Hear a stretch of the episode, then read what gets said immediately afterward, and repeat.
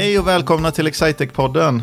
Vi på Excitec vi är ett lösningslevererande konsultföretag som försöker göra vardagen effektivare, enklare och roligare för våra kunder genom att ge dem bästa möjliga it-stöd för sin verksamhet. Och den här podden då, Excitec-podden, den handlar för det mesta om eh, vår personal och vad vi gör på jobbet, men någon ibland handlar det om någon partner eller någon kund.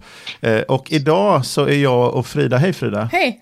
Eh, Idag så är vi faktiskt lite extra taggade för vi har inte bara en partner utan vi har vår fantastiska partner Carola Lissel som är vd på Visma Software på besök i vår studio. Hej, Hej. Ka- Hej Carola! Ja, vad kul att få vara med. Ja, du är ju faktiskt, du känns som du är på besök för vi sitter och tittar på dig på vår videokonferens här men egentligen så, så är du faktiskt med remote. Ja, men det är, så det, så det är så det är i den moderna världen. Just det. Vi är så virtuella. Så för eventuella lyssnare, om, de, eh, om, ni, om det låter annorlunda när Carola pratar så, så är det eh, för att du inte är fysiskt på samma plats som jag och Frida. Vilken plats är du på, Carola? Jag är på vårt kontor i Göteborg, i Gårda. Så här sitter jag i mörkret. Tittar på jullamporna. Tom, ja, för det är december har det blivit sen sist. Ja. Thomas som sköter ljudet här, han, eh, han frågade oss alla hur vi tog oss till jobbet eh, och eh, liksom med promenader och bussar och grejer här. Men eh, du vann, eh, eller hur? Ja, precis. Eftersom jag hade lovat att köra min systerdotter till flyget så skulle hon ju hämtas klockan ja, kvart i fem i morse. Hon ska göra en säsong i Alperna och då blev ju Johan förstås väldigt avundsjuk med en gång. Och tappade nästan fokus här. Ja, absolut, inte bara nästan. Det är nästan det enda jag kan tänka på. Eh, ja, nej men vad, vad härligt. Vad tänkte jag på? Så Visma Software, vår, vår, varför blev jag så till mig för att uh, få in Carola här på, ja, förutom att Carola är, är hon är lite kändis faktiskt i våran del av världen, i, i uh, IT-världen. Men Visma Software då, om jag får eh, introducera, jag har och Excitec har jobbat med Visma Software sen, i alla fall sedan 2011. Jag försökte komma ihåg, men vi, vi kände ju varandra innan dess också egentligen, men vi har jobbat formaliserat tillsammans sen, sedan, sedan eh, 2011 i alla fall. Och eh, Visma har gjort en otrolig resa eh, varje år och är ett sånt här föredöme att jobba med, för de brukar alltid lägga på, jag tror eh, Uppriktigt sagt Carola, ända sedan första gången jag träffade dig så, så har ni lagt på, ni inleder möten med en sån här slide med en powerpoint som visar utvecklingen per år och er ackumulerade tillväxt år för år. Och den är liksom ett, det är en sån här exponentiell kurva som, som sådana här hockeyklubbar, men till skillnad från hockeyklubbarna som sådana här entreprenörer och startup-bolag brukar visa, det händer alltid hockeyrörelsen i framtiden. Så att just nu går det lite trögt, men snart kommer det börja gå bra. Eh, den, den listan som, som Carola lägger upp och din, din chef Öystein Moen, eh, som är koncernchef i Norge då, som de lägger upp, den, den går tillbaks från 2001 tror jag. Eh, och visar eh, den här fantastiska tillväxten då i 18 år i rad. Eh, Ja, det är faktiskt eh, det är ju häftigt och det är ju eh, proven business och inte, inte vad vi hoppas på i framtiden utan det är verkligen så. Och det är ju imponerande och det handlar ju om många olika saker som samverkar. Just att man egentligen står på väldigt många olika ben. Eh, att, att, eh, det är ju alltid några områden som går väldigt bra, som går bättre än förväntat. Så, så då är det okej att några kanske bara går på plan eller lite under. Men egentligen är det så att om man leder bolag i den här koncernen så är det inte en, en fråga om hur, att växa eller att ha ett bra resultat utan det är liksom hur mycket växer man och hur mycket växer man sitt resultat från föregående år. Jag tror, eftersom, ni, eftersom ni summerar ihop med till, i den här listan med över 20% eh, tillväxt eh, 18 år i rad så tror jag att eh, det kan inte vara sådär, jätte, du antyder lite här att några verksamheter går riktigt bra och några går lite sämre, men det kan inte vara sådär jättemånga som går sådär jättemycket sämre. Ja, men det är ju ingen som går, alltså du vet så här, eh, minusresultat har vi, håller inte vi på med. Enligt Vilken bra policy. man får när man börjar som vd. Så, så eh, det, det är ju liksom olika grader av bra, kan man väl säga. Men kan du anteckna det det till vår företagspolicy? Där? Inga, jag ska ta det som ett Lägg tips. till den i, i direktivet till ledarna. Men Carola, hur, Eh. hur länge, får jag fråga lite grann, hur länge, hur länge har du varit på Visma? Eller var, var, kommer du ifrån? Vad är din bakgrund? Ja, men min bakgrund är att jag eh, har eh, drivit ett eh, bolag i eh, segelbåtsbranschen. Eh, varit egen entreprenör tillsammans med två kollegor. Så vi har jobbat med utrustning till kappseglingsbåtar. Wow. Annars är jag ekonom och jag är, eh, började på Visma första gången 1996 när Visma var en, en eh, bebis. Just det. Och du med, direkt från eh, förskolan? Och jag med, förmodligen rätt från, jag var, måste ju varit 11 år då eller någonting. Jag vet. Eh, men eh, ja, så då var det ett litet annat bolag. Eh, 300 anställda i koncernen och idag är vi 10 000. Men jag har inte jobbat där hela tiden utan jag slutade sen och var runt lite på andra bolag i branschen, lite andra roller. Så jag har ju varit liksom, jag har jobbat som eh, konsult och jobbat på support. Jag har jobbat som ekonomichef, jag har eh, eh, jobbat som marknadschef och jag har jobbat som säljchef, kanske mest. Och nu har jag jobbat i snart åtta år som vd. Så du har gått den, eh, den långa vägen kan man Japp. säga. Mm. Japp, väldigt lång väg. Nej, men jag har byggt min, min bredd kan man väl säga. Mm. Eh, jag är inte en klassisk karriärist kanske, som du vet, utan mer nyfiken på att lära nytt. Så. Jag tycker ändå det, det, det tycker jag är ett föredöme. Jag brukar säga det ibland när vi pratar med, med människor, speciellt sådana som är lite nya, kommer lite nyare från skolan, att man ska inte underskatta den karriären som man kan göra genom att bevisa sin förmåga och göra ett jobb rejält och hänga kvar och faktiskt förstå sitt jobb. Mm. För det är ju inte så, de flesta karriäristerna Man vill ju snabbt uppåt. Liksom. de vill snabbt Ja. uppåt men det är inte säkert, det finns inte så värst många som typ, typ blir, alltså om du kan nöja dig med att bli vd på typ Excitec eller någonting. Då, Ja men absolut, ja, jag kan nöja mig med det. nej, men då, är, då behöver man inte vara så mycket, då kan man vara ganska uthållig. Och samma på Visma tydligen. Ja. Vi- Visma Ja, men soft, så är det nog. Och det gör ju att man vet ju, alltså jag förstår när jag pratar med konsulter hur det är. Eller med som på supporten så vet jag också hur det är, eller de som kämpar på marknad. För eh, jag har varit där också. Så att, eh, det, det, det finns ju alla möjliga vägar framåt. Det, Mm. det finns inte en väg. Man kan göra saker på många olika sätt. Men för mig har det varit en, eh, ja, mitt sätt. det enda jag undrar, jag saknar här, det är jag undrar om du har programmerat någonting under din karriär. Nej, men jag har varit chef för produktchefen. Ja, okej. Så att jag har låtsats att jag förstår liksom. också. Va- Nej, men alltså, logik tycker jag ju är superintressant som sådant. Alltså, så, så sätt så är jag ju intresserad av utkomsten av det som eh, har med utveckling att göra. Men, eh, men eh, jag kan ju absolut inte på. Vad, vad, gör Jag du på, SQL-frågor Marcus. vad gör du på jobbet? Hur, hur ser en dag ut? Eller hur ser en vecka ut? Jag sitter i möten. Du gör Det det? är ju det man är, ja, det är man ju helt svartbälte. Man har svartbälte i att sitta i möten. Alldeles för många interna, men också många externa. Vad, vad gör ni på de här mötena? Ja, gud vet. Alltså, vi, Johan vill ha eh, tips, vi, eh, uppenbarligen. sitter väl och... Vad gör man på möten? Man checkar av status. Man samlar egentligen så tror jag att man, är, man modererar i många gånger. Man samlar ihop eh, Kalle och Pelle och Karin som kan olika saker och får in dem i samma sammanhang. Och om man får in dem i samma sammanhang och håller sig, försöker hålla sig till ämnet så kommer det ut bra saker egentligen. Mm. Eh, ja, men du vet Johan, hur, hur, ser dina möten ut? Ja, jag, jag, de brukar inte bjuda in mig till möten för jag, liksom, jag, jag, vet inte, jag tror jag förstör dem ibland med att komma Men med du massa... lobbar ju för att vi inte ska ha några möten, Ja, jag så du lobbar får för inte att vi vara inte- med. Nej, det är riktigt. Jag lobbar för att vi inte ska ha så mycket möten. Nej. Men eh, reser du mycket? Ja, jag reser hela tiden egentligen. Den här veckan, fyra dagar, förra veckan, fyra dagar, nästa vecka, fem dagar tror jag. Så absolut, jag reser mycket. Och eh, det är väl i sig inte så spännande. För jag reser ju bara inom Sverige så det är absolut inte så sexigt. Möjligtvis Oslo. Jag vet inte om det heller är så himla sexigt. Men, eh, Oslo det i december va? eh, man får försöka att inte tänka på själva resandet utan det är ju alltid bra när man kommer till en plats och man sätter igång och jobbar Mm. och tillsammans med folk och då är det jättebra. Liksom. Va- var har ni verksamhet? eh, Var har, var har du verksamhet i Sverige någonstans? Vad har du för sajter? Jag, är framför, jag bor ju i Göteborg, eh, sägs det, och eh, så har jag ju de flesta medarbetarna i, i Stockholm. Och sen så har jag ändå rätt så många i Malmö också. Eh, och så finns det ju eh, ett gäng i Munkedal som ligger norr om Göteborg. Sen finns det eh, lite folk i Krakow. Mm. Eh, och nu har jag faktiskt också ett gäng i Ru- Rumänien, i Timisoara. Jaha, har du varit där? Krakow var väldigt fint.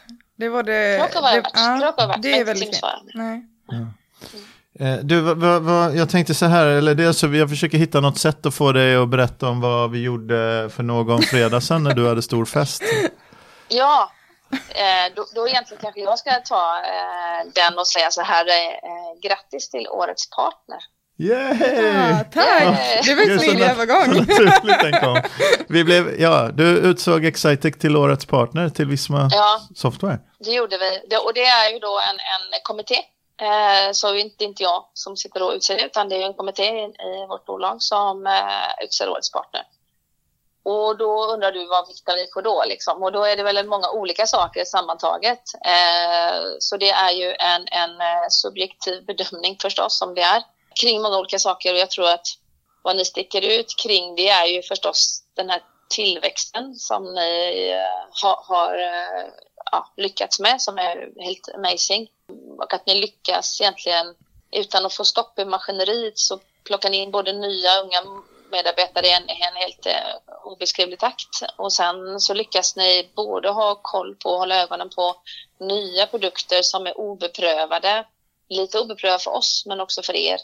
Eh, och med alla de nybörjarfelen där men ändå också inte tappa fokus på de beprövade äldre produkterna. Lyckas liksom fortfarande göra otroligt fin business där. Och sen också vara en, en förebild kring, kring arbetet tror jag, med medarbetare som vi tycker är inspirerande. Vi- Och när det går bra för Excitex så går det bra för oss. Så, så här tyst har jag inte varit på den här podden. Vi avsnitt, kanske jag blir avsnitt nästan nummer orolig 78 om jag eller någonting. Ja. Vi bara Ja, lyssnar och njuter. fortsätt, ja. Fortsätt gärna.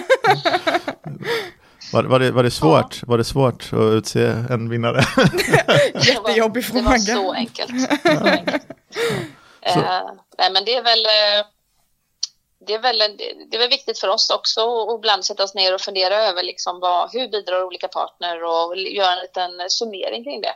Om man tittar på olika arbeten som partner gör, en del jobbar, kanske har jobbat kanske fokuserat med, med att förbättra kundnöjdheten ett år. Någon har gjort liksom, ökat tillväxt, någon har tagit in mycket nya medarbetare. Alltså det finns ju alltid olika liksom, teman och ja, så man får väga för och emot varandra. Alltså någonstans är ju tillväxt och, och, och omsättning, det är det som är det allra viktigaste, även om det, det som vi vill prata om är nöjda medarbetare och nöjda kunder. Mm. Men utkomsten av det blir ju ändå tillväxten och det är det som jag och du Johan mäts på.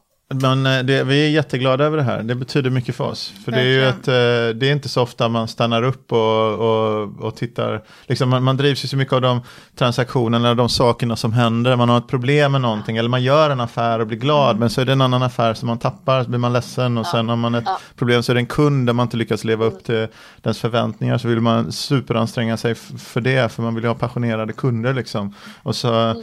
Och så blir, det, så blir det så fullt av transaktioner så det är inte så ofta man tar det där tillfället och stannar upp och tittar liksom, men vänta lite här nu, vad är det vi har gjort det senaste året, vilken resa liksom. I, i, i, vågar du berätta om några av dem, eh, inte om oss specifikt, utan eh, du pratade ju om lite tillväxtsiffror för era, era programvarulinjer som vi jobbar med, de här, den som heter Visma Net och Visma Business. Är detta officiellt?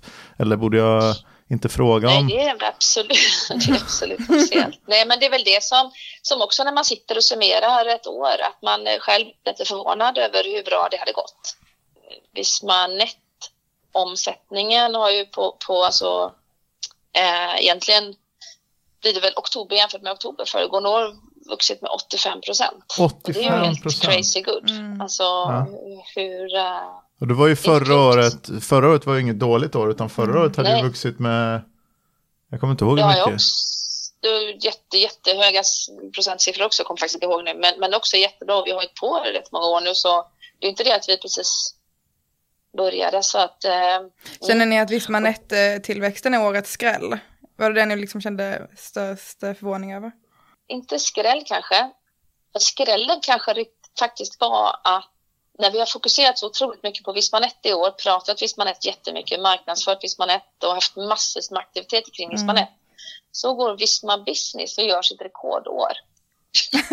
Det är obegripligt. Ja. Aldrig, ni, ni, alltså partner har aldrig sålt så bra Visma Business som 2019. Vå- Vågar du berätta om för våra lyssnare, vad, vad är från ditt perspektiv, vad är skillnaden på Visma Business och Visma Net? För båda de är affärssystem för medelstora och lite större företag va? Men inte för jättestora företag.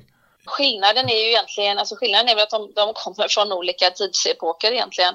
Så det gör ju att det finns ju en annan mognad i Visma Business vad det gäller eh, djup i funktionalitet och bredd i funktionalitet. Men jag tror också att det handlar om antalet integrationer som gör att Visma Business är annorlunda och antalet eh, väldigt kompetenta konsulter som gör att Visma Business har sin plats.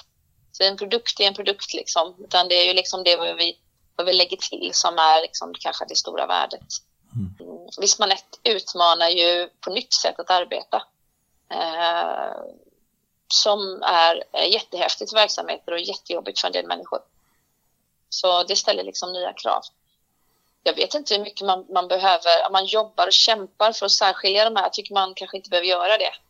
För, för eh, det blir ändå lite påhitt. För att mm. samma kund kan i många fall ha vilka som helst av produkterna. Mm. Och antingen så tycker vi att det är ett problem eller så tycker vi att det är en tillgång. Liksom. Mm. Microsoft har ju valt att kalla alla sina produkter Dynamics, fast det är väl en, en produktflora som är väl så splittrad, kanske något mer splittrad mm. än den som Visma har. Ändå är det mm. ofta så här, industrianalytiker har en tendens att säga att Visma har, nu blir det lite internt här, men mm. att Visma har många system. Medan när vi tittar på branschkollegorna så har de ju fler system. Ja, ja, det är bara att de kanske har brandat dem. Du har ju en tendens Carola att när du, när du stoppar in e-faktura i alla dina, så, så, vill ni, så vill ditt produktchefsgäng kalla det något annat. Och så säger man auto-invoice, vad är det här för något? Och så är det, nej, det, ja. det är att du har slagit på e-faktura-funktionen. lite så, lite mm. så är det. Så, ja. Får jag fråga en annan fråga om, som också är lite branschintern? Känner du, för Visma, varumärket blev ju, blev ju kanske känt bland folk som inte är i branschen i samband med att eh, egentligen för att, för att ni förvärvade för jättemånga år sedan, 10-15 år sedan, ett småbolags ekonomisystem, paketerat ekonomisystem som hette SPCS då. Precis, 2002 var det. Ja. Ja, det är snart 20 år sedan. Men... Ja. Och innan dess vet jag att vi som jobbade på Visma, eh, många av de kollegorna som faktiskt finns fortfarande hos Excitec också, var så, vi klagade mycket på det att men, Vismas varumärke är inte känt i Sverige vad det är bekymmersamt. Mm. Och sen då när vi då gjorde under en stor marknadskampanj bytte vi namn på SPCS som ju var väldigt känt bolag innan också till Visma SPCS. Då blev ju Visma jättekänt fast det blev känt som en lösning för småföretag ah. så då gick vi och klagade på det. Men nu tycker jag nog att vi står lite mer på egna ben man vet att Visma är fler saker än, än bara för småbolag. det var 2002. Hur stora var ni då ungefär? Usch, det vet jag faktiskt inte. Jag vågar inte säga det. Men eh, vi Va? hade ju börjat vår förvärvsresa. Eh, så vi var kanske jag vet inte, det kan ju ha varit tusen personer. Okej, okay, ja, ni var ändå så. För anledningen till att jag frågar är ju att Excitec sitter lite där också. Vi vill ju göra ett varumärkesarbete framåt så att Excitec blir ja, Visma är väl lite att ta i att vi vill bli eh, så ett stort varumärke som Visma. Men under nästa mm. år att vi ska jobba mer på Excitex varumärke. Och då är det intressant att veta hur eh, ni gjorde det. Frida jobbar på vår marknadsavdelning. då när vi brandade liksom egentligen om Visma i Sverige, då tog vi den killen som har liksom, hade gjort succén med Nokia, Connecting People-kampanjen. Om någon, mm. nu är ni kanske för unga en del här, men det var i alla fall en stor marknadskampanj back in the days. ja. Så honom använde vi som en marknadsstrateg till att bygga en sån stor mm. kampanj. Så det var ju med tv-reklam och okay. massvis. Ja. Så ni, ni gjorde en stor kampanj liksom och satsade på den? Det gjorde ju Accenture också. I, i, de hette ju Andersen Consulting och råkade trassla in sig i en bokföringsskandal hos Enron i, eh, och kunde inte heta Andersen längre mm. eh, i USA. De gjorde en sån jätte med Tiger Woods liksom. De gjorde reklam. Det var så att du kunde sitta där och så kom det ICA-reklam och sen kom det Accenture-reklam liksom mitt ja, i när du satt och tittade på Formel 1 liksom på, mm. på, på söndagen. Så det, det är ju verkligen så att bränna, även i vår mm. smala bransch, liksom, att bränna på det och sen efter några år så hette de ju Accenture. Mm. Liksom. Det är ganska imponerande. Mm. Ja. Men jag tänkte på, på det, för det som med, med Visma då, så blev, blev man känd för, jag tror ändå att man tjänar på att vara känd i folks medvetande, även om det, att ha ett känt varumärke, även om det är känt lite för fel saker, och ändå bättre. Så då blev man känd som att vara det här ekonomisystemet, det paketerade mm. ekonomisystemet som du använder på idrottsföreningen och småföretaget och, och allt sånt där. Jättebra ekonomisystem. Ja. Men sen, det jag undrar också, för sen har ni de här, har ni haft den här produktlinjen som är ett liksom fullt affärssystem för medelstora och lite större företag som heter Business då och sen så ja. lanserade ni det här Net för ett gäng år sedan och så separerade, hade det varit Microsoft, de hade kallat båda för Dynamics antagligen, men, men eh, vi, ni har valt att kalla dem olika saker för det var, den ena var väldigt, väldigt ung och lite omogen och man kanske inte vill riskera heller med en, med en ny produkt och, och ta det gamla varumärket. Men, men det som jag undrar över, vi har ju på den här business sidan, det finns ju otroligt många stora företag som, som verkligen eh, eh, kör det här systemet. Alltså det är inte ett, för, ett system för kanske Volvo och, och Electrolux och, de, och Ericsson, mm. de här allra största. Men företag med några tusen anställda, vi har ju, eh, det finns ju jättemånga det finns verkligen många. Vi har grävt lite grann i det där och sett hur många det är. Eh, man glömmer ju av det. Och en del fall så är det att de har förvärvats som så stora bolag, men det är också det väldigt många bolag som har vuxit med Visma Business och blivit väldigt stora och fortfarande ser det som sin, alltså hjärtat i affärslösningen för dem. Så det är väl, eh, det är väl jättespännande tycker jag och vi, vi vill ju ligga, man säger precis under SAP. Mm. Det som är under SAP, det ska vi ta. Men, men känner du, känns det orättvist ibland när du blir, paketer, blir paketerad ner i en del människors medvetande som småbolagssystem? Ja, ja. verkligen. Jätteorättvist. Men, men egentligen också så, vi har ju haft som policy på Visma att göra egentligen inga produktvarumärkeskampanjer, eh, utan bara göra alltså Visma-varumärket, eh, tills vi gjorde Vismanets mm. varumärkeskampanj i Dagens Industri för tre år sedan nu då. Eh, då braskade vi ut Vismanet i helsidesannonser i Dagens Industri. En kampanj som kostade ungefär 5 miljoner liksom, och bara trummade det. Får inga, det inga idéer nu. Det tror jag hjälpte oss med nät. Mm. Så du vet vilken budget du ska fråga efter nästa mm. år då. Mm. Ja. Får jag fråga, för vi pratade, det blir lite internt, det kanske är mest eh, du och jag och några av våra anställda som är intresserade av, av, av hur det där känns. Men, men eh, om, om, du tittar på planerna, för ni är ju ändå, Visma nu är ju, när ni räknar ihop det, ni är ju Europas största SaaS-bolag, alltså ja. mjukvarubolag Precis. som säljer modern, mm. modern mjukvara. Och ett av Europas allra största mjukvarubolag, alla kategorier, va, mm. tror jag. Mm. Va, va, vad ser ni, vad händer, vad händer härnäst? Precis, nu är det ju liksom, nu, nu pratar man mycket om Visma in the next decade. Nu lämnar vi ju ett årtionde och går in i nästa, så det är ju väldigt spännande. Och man pratar mycket om det att det årtiondet som vi lämnar bakom oss var egentligen strategi ganska enkelt. Det handlade ju bara om transition to SaaS. Alltså det var ju det för mm. alla alla IT-bolag överallt så var det ju bara det det handlade om det årtionde som vi lämnar bakom oss. Så det var strategi var det var egentligen inte så klurigt. Inte att utföra det kan vara klurigt, men själva alltså, alltså bestämma sig vilken strategi man skulle ha var inte så svårt. Nu när vi tittar framåt 2020 så är det ju lite svårare. Vad, vad, vad ser vi för strategi framåt liksom? Så, eh, och vi på Visma pratar till exempel om detta nu med Cloud Transition Endgame, vilket kanske låter lite dramatiskt. Men det är det vi tror. Eh, detta årtionde framför oss så kommer det handla om det. Vad, vad betyder det? Liksom egentligen ja. den lådan. Vad, vad, betyder det? Det finns ingen transition kvar att göra? Eller vad... ja, det betyder att vi ska stänga, stänga det som är kvar, uh, att bli klar med den uh, delen. Och det handlar ju både om att ja, migrera det som går att migrera uh, mm. från, från Wintech-lösningar egentligen. Men det handlar också att de som ska vara kvar long term, framförallt de som är, man pratar om high-end eh, software, alltså det vill säga där ju högre upp vi går i segmentet med affärssystem, ju längre stannar kunderna kvar. Så om man säger SPCS, de har ju en hög körn hela tiden. Eh, bolag kommer och går och vi som jobbar lite högre upp i storlek bolag, Excitec och Visma Software, vi, vi har ju kvar våra kunder i väldigt många år. Mm. Så vi jobbar med high-end Eh, och där tror vi att antingen så får man migrera kundgrupper därifrån eller också så handlar det om att utveckla webb eh, user interfaces egentligen. Mm. Så, då, så, så då är det liksom vad vi har kittlat kring nu då, det är ju Visma Business. Vad, vad händer med det? Så min eh, gissning är att eh, det kommer landa som en eh, ren webblösning framåt. Mm. Men det är gissning. För nu är det så, vi gör ju mycket webb, det är mycket mm. våra konsultjobb, vi gör ju mycket mm. webbpaneler för sällananvändarna, för alla är så mm. vana webb och mobil eh, gränssnitt. Men sen är det fortfarande så att på administrationsavdelningen, på inne på ekonomiavdelningen så sitter man och jobbar i en klientapplikation. Mm.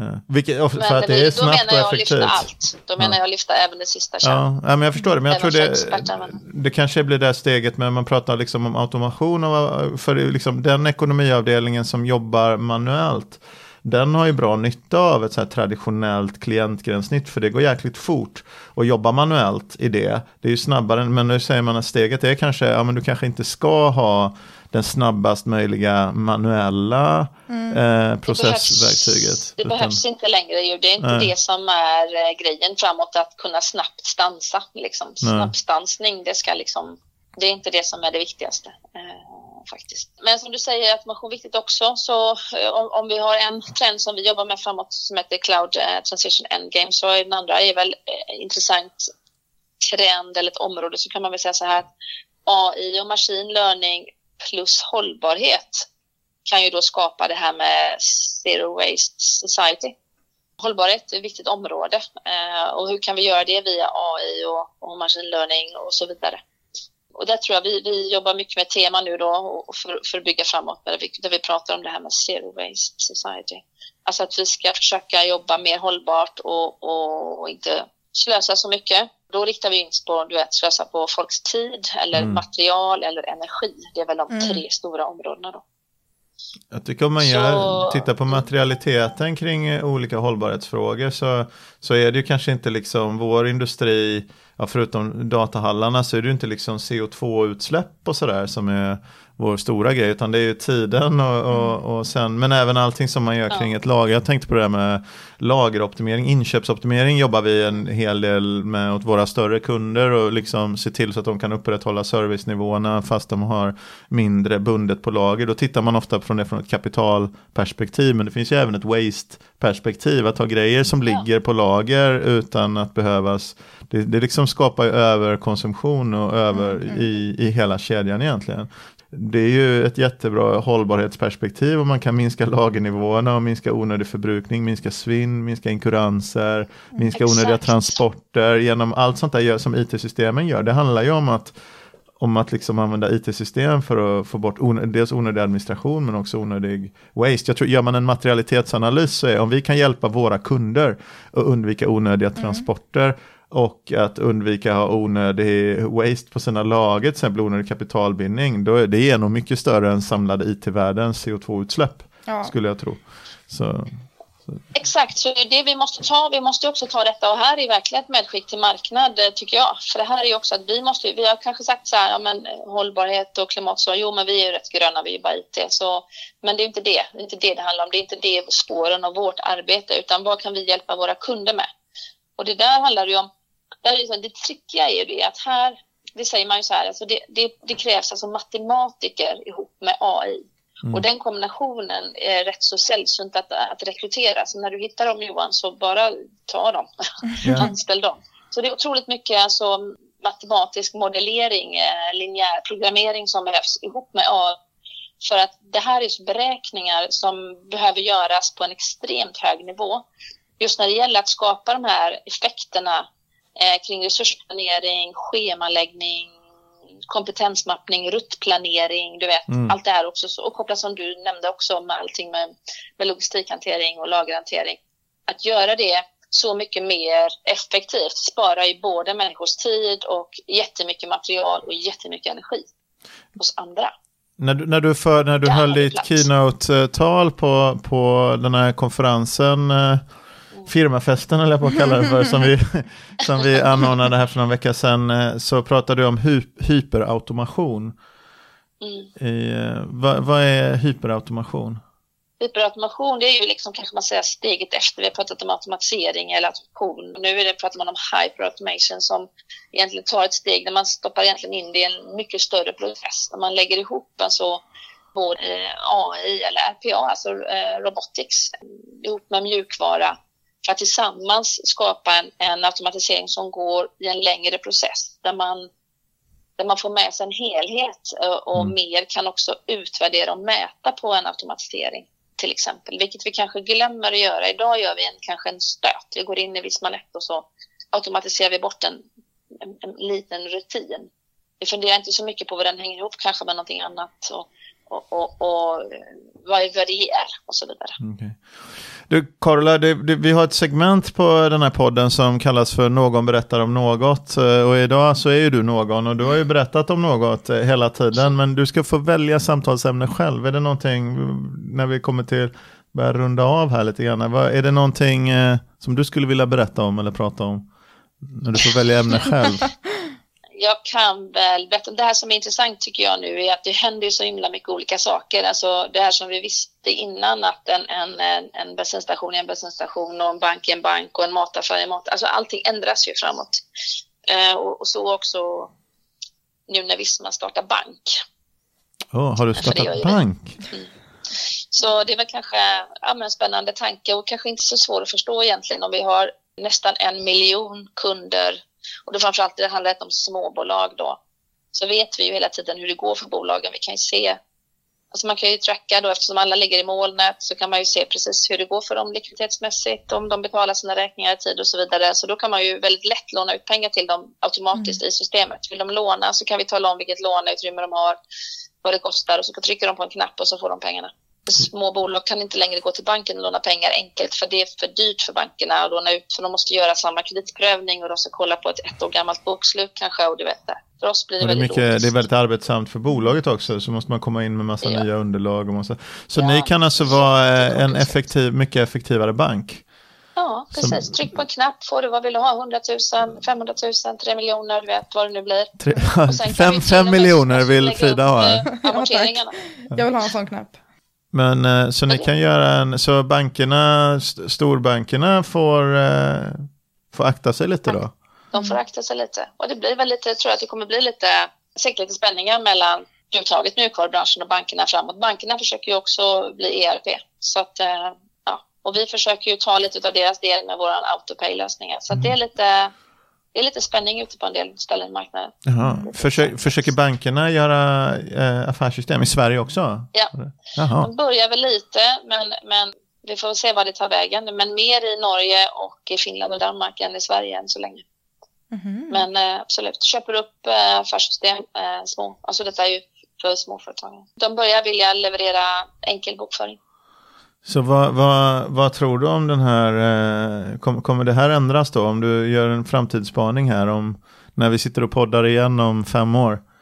Eller, eller jag tror, hur? Alltså, jag tror väl att eh, jag tror bankerna fightas för sin överlevnad. Eh, rent matematiskt. Alltså, det har man väl läst i många rapporter att det är en av de saker som kommer försvinna med, med, med AI och, och, och så vidare. Eh, så de kämpar nog på. Sen vad det ska bli av oss ERP-leverantörer vet jag inte heller. Det är väl också svårt att säga det väldigt långa perspektivet. Man kan ju titta på lite exempel hur Salesforce har gått från att ha varit en, en innehållsleverantör till och med bli en plattform. Men det är ju långt ifrån. Mm. Det var skönt tycker jag Frida, att vi får en riktig sån här branschpodd här. Verkligen. För det har varit, vi, har, vi har pratat om alkoholkultur på jobbet och vi har pratat om eh, innehållsmarknadsföring och sånt. Men nu har vi faktiskt en riktig bransch. Mm poddar. Det tycker jag, för mig är det, är det intressant. Men eh, har vi någonting mer som vi vill avsluta med om vi ska ta och runda av? Vi har, vi, har, vi har ett kontrakt med våra lyssnare att vi ska försöka hålla oss under 30 minuter och det tror jag att vi har brutit det kontraktet det har vi. den här gången. Så att, eh, men men ja. om vi ska ta och runda av här, är det någonting som, eh, någonting som vi har glömt att prata om? Jag tror att vi har fått med det viktigaste, att vi, eh, årets Visma-partner. okay. jag, jag, jag, känner annars att det allra viktigaste är om du också vill vara en av de här kunderna till eh, Carola och till oss på Excitec så kan ni till exempel gå in till excitec.se och eh, titta där vi försöker exemplifiera några erbjudanden och berätta om vad kunderna gör med den här, till exempel med den programvaran som tillhandahålls av, av Carolas gäng. Jag vet på Carolas webb Visma.se, eller är ni visma.com nu för tiden? Så, eller visma.se, det finns ja, det funkar också. Så, så, och sen om du vill vara en del av den här kulturen eh, hos oss på Excitec och vill, eh, och eh, vill vara en del av vårt gäng och jobba med att eh, hjälpa kunder dra nytta av Carolas programvaror, vad ska man göra då Frida? Då går man in på excitec.se slash karriär. Och så hittar man allting man behöver för att eh, lämna sin ansökan där. Ja, så bra. Tack så mycket för att du ville medverka idag, Carola. Tack själva för att jag fick vara med och tack för ett jättefint samarbete.